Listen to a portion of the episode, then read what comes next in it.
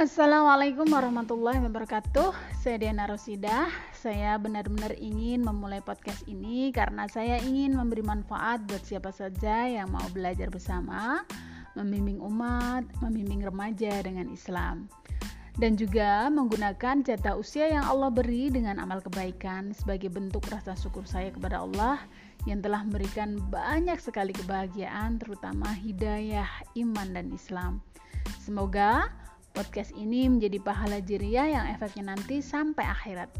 Jadi saya berharap kita semua bisa mengikutinya dan belajar bersama.